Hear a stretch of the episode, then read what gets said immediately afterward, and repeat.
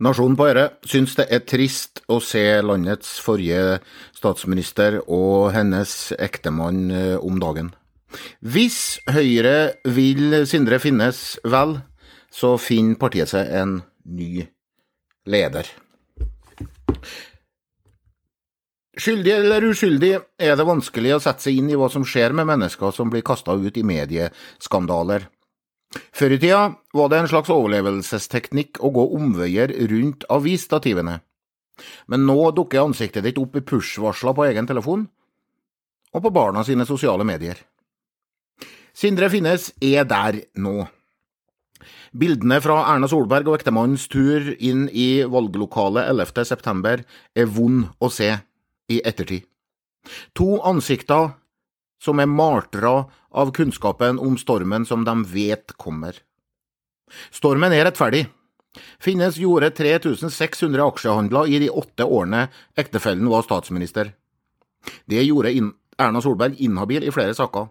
Finnes løy for sin ektefelle og manipulerte handlene sine for å få ståa til å se ok ut ved hver årsslutt. Da VG forsøkte å få Finnes i tale på søndag, så kasta han korta.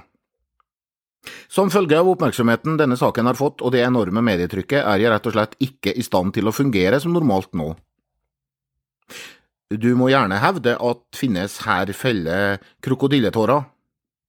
Da kan det hende du er lite empatisk, alternativt med manglende menneskekunnskap og litt begrensa livserfaring.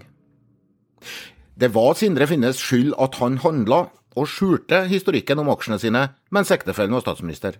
Men ansvaret for handlingene og den inhabiliteten de skapte, har alltid vært Erna Solbergs. Fra det tidspunktet hun begynte å mistenke noe, så begynte Solberg også å bli medskyldig, ikke bare ansvarlig. Vi kan glatt glemme spinnet fra Høyre-nestleder Henrik Asheim om at det tok tid å finne fram permer Finnes sine registreringer i verdipapirsentralen Euronext tilbake til 2019 var tilgjengelig på timen, skriver Aftenposten. Likevel tok det fem dager for Høyre å få lagt den fram. Det kan godt hende det kunne vært gjort raskere, sa Asheim på NRKs Politisk kvarter tirsdag. Ja, det er riktig, det, men det er ikke Sindre Finnes skyld. Allerede 6. september fikk Erna Solberg vite av E24 at ektemannen hadde gjennomført 22 hittil ukjente aksjehandler mens Solberg var statsminister. Likevel har hennes pressesjef Cato Husabø Fossen fortsatt å skylde på ektemannen. Det tok tid for Finnes å utarbeide listen over aksjehandler, sa Fossen i VG søndag.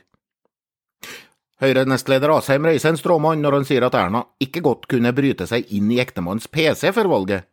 Nei, det hadde holdt lenge å be han om å logge på, sånn at partiapparatet kunne hjelpe til med å hente ut aksjedata. Men nei, det gikk ni dager fra Solberg fikk kunnskap om aksjesviket til Finnes, og til lista over aksjehandler ble lagt fram. Og det er Ernas skyld.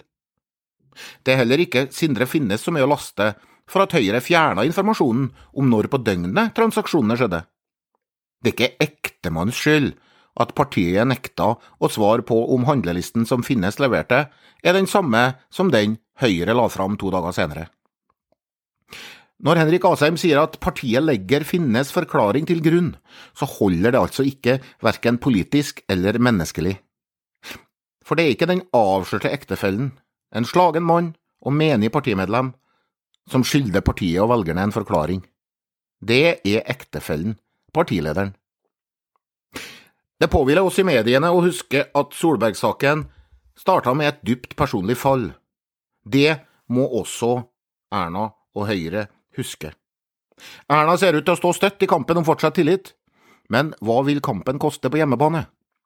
Det ser stygt ut når fylkesleder i Agder, Harald Furre, sier til Aftenposten at han har full tillit til Erna Solberg, men tilliten til Sindre Finnes er jo ikke der.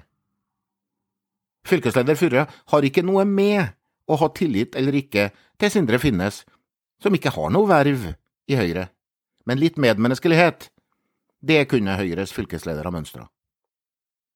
Erna kan, midt i stormen, tilgis for å lefle med tanken om at embetsverket på statsministerens kontor kan være et slags aksjetilsyn overfor ektemannen i fall Solberg skulle bli statsminister igjen. Men det er verre at sentralstyremedlem Magne Sørby i Høyre ser for seg finnes i en slags finansiell husarrest i statsministerboligen. Da må reglene for aksjehandel være enda strengere for ham eller for alle andre, uttaler Sørby. Så lett er det å glemme menneskerettigheter og likhet for loven for å framstå lojal til sjefen sin. Det er å håpe at den selvransakelsen som må skje i Høyres hus, nå og under valget av statsministerkandidat, skjer med større omtanke og omsorg for Sindre Finnes ve og vel enn hva som hittil er vist. Dersom det virkelig er enkeltmennesket, og ikke milliarder av unnskyldninger, som er viktigst for Høyre. Uansett om du har gjort noe dumt eller ikke, Nasjonen på øret ønsker deg en fortsatt riktig god dag.